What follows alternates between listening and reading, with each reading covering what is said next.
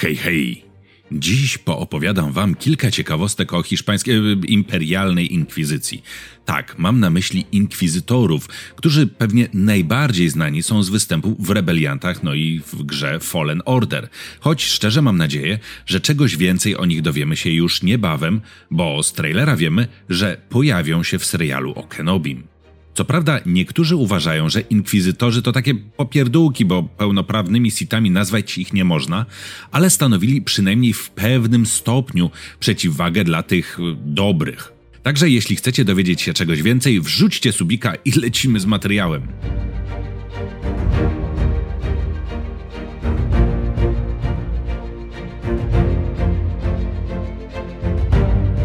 Ciekawostka numer jeden. Wszyscy członkowie Inkwizycji byli upadłymi Jedi.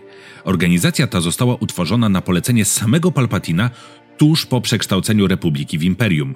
Ich celem było wyłapywanie ukrywających się członków zakonu oraz odnajdywanie istot czułych na moc. Na czele inkwizytorów stał wielki inkwizytor, który nadzorował pracę pozostałych, a sam odpowiadał bezpośrednio przed Darthem Vaderem. W końcu łatwiej było chyba przyciągnąć na ciemną stronę młodszych Jedi i ich trochę doszkolić, czym zajmował się właśnie Vader, niż szkolić ich od małego, tak jak wcześniej robił to zakon Jedi. Z kolei wrażliwych na moc dzieci szukano zapewne, by je zabić, bo mogły dawać nadzieję na odrodzenie zakonu, co po niektóre można było ewentualnie zwerbować jako przyszłych członków inkwizycji, poddając ich oczywiście imperialnej indoktrynacji od najmłodszych lat i takiemu praniu mózgów. Ciekawostka numer dwa. Pałański Wielki Inkwizytor z pierwszego sezonu Rebelsów tak naprawdę po raz pierwszy pojawił się w Wojnach Klonów, a konkretnie w 20 odcinku piątego sezonu serialu, zatytułowanym The Wrong Jedi. To jest ten odcinek, w którym Asoka została usunięta z zakonu Jedi.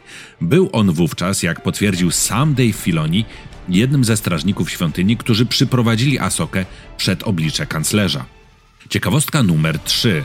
Na pewno zwróciliście uwagę na specyficzne miecze świetlne inkwizytorów o obrotowej rękojeści. Otóż przed imperialną inkwizycją nie ma, tak mi się wydaje, żadnych znanych użytkowników tego typu broni. Chyba, że nam to kanon uzupełni.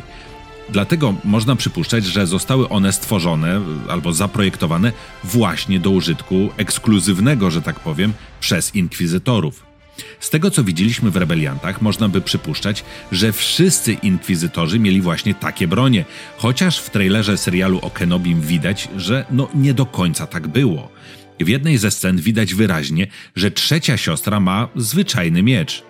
Ale wracając do obrotowej rękojeści, taki miecz był wręcz maszyną do zabijania, a także pozwalał inkwizytorom latać jak na helikopterku, tak w cudzysłowie ten helikopterek weźmy ale miał taki miecz też pewną wadę.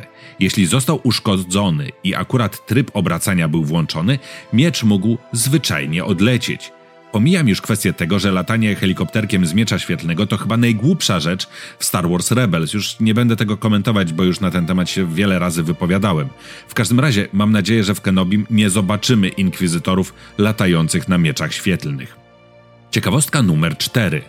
Pewnie niektórzy z Was zastanawiali się, ilu tak naprawdę było inkwizytorów. Dokładna liczba nigdzie nie była podana, ale raczej nie było ich wielu. O ile w obecnym kanonie inkwizytorzy mają w swoich, tak jakby, imionach liczby, a największa z nich to 10, to można by przypuszczać, że było ich właśnie tyle. No chyba, że mógł być jednocześnie brat i siostra z takim samym numerem, to wychodzi, że mogło być ich około 20. Z kolei w legendach inkwizytorzy nie mieli przy imionach liczb, ale też nie było ich zbyt wielu, około kilkunastu, no może kilkudziesięciu. Ciekawostka numer 5. W legendach po pierwszej śmierci imperatora inkwizytorzy walczyli między sobą o władzę, jak to zwykle bywało pośród użytkowników ciemnej strony. Niektórzy jednak nie wdawali się w wewnętrzne walki, przeczuwając, że Palpatine może powrócić, no co oczywiście się stało, bo przypominam, że Palpatine w legendach również powrócił i to zdaje się więcej niż raz. Niektórzy inkwizytorzy dołączyli do Związku Pięciu Gwiazd. Gdy Palpatine powrócił, zastąpił jednak dawną inkwizycję tzw. Tak mroczną elitą. Po ostatecznym pokonaniu imperatora niewielu inkwizytorów pozostało przy życiu. Dajcie znać w komentarzu, czy chcecie usłyszeć trochę o legendarnej mrocznej elicie. To może przygotuję osobny filmik na ten temat. Dzięki wielkie za oglądanie.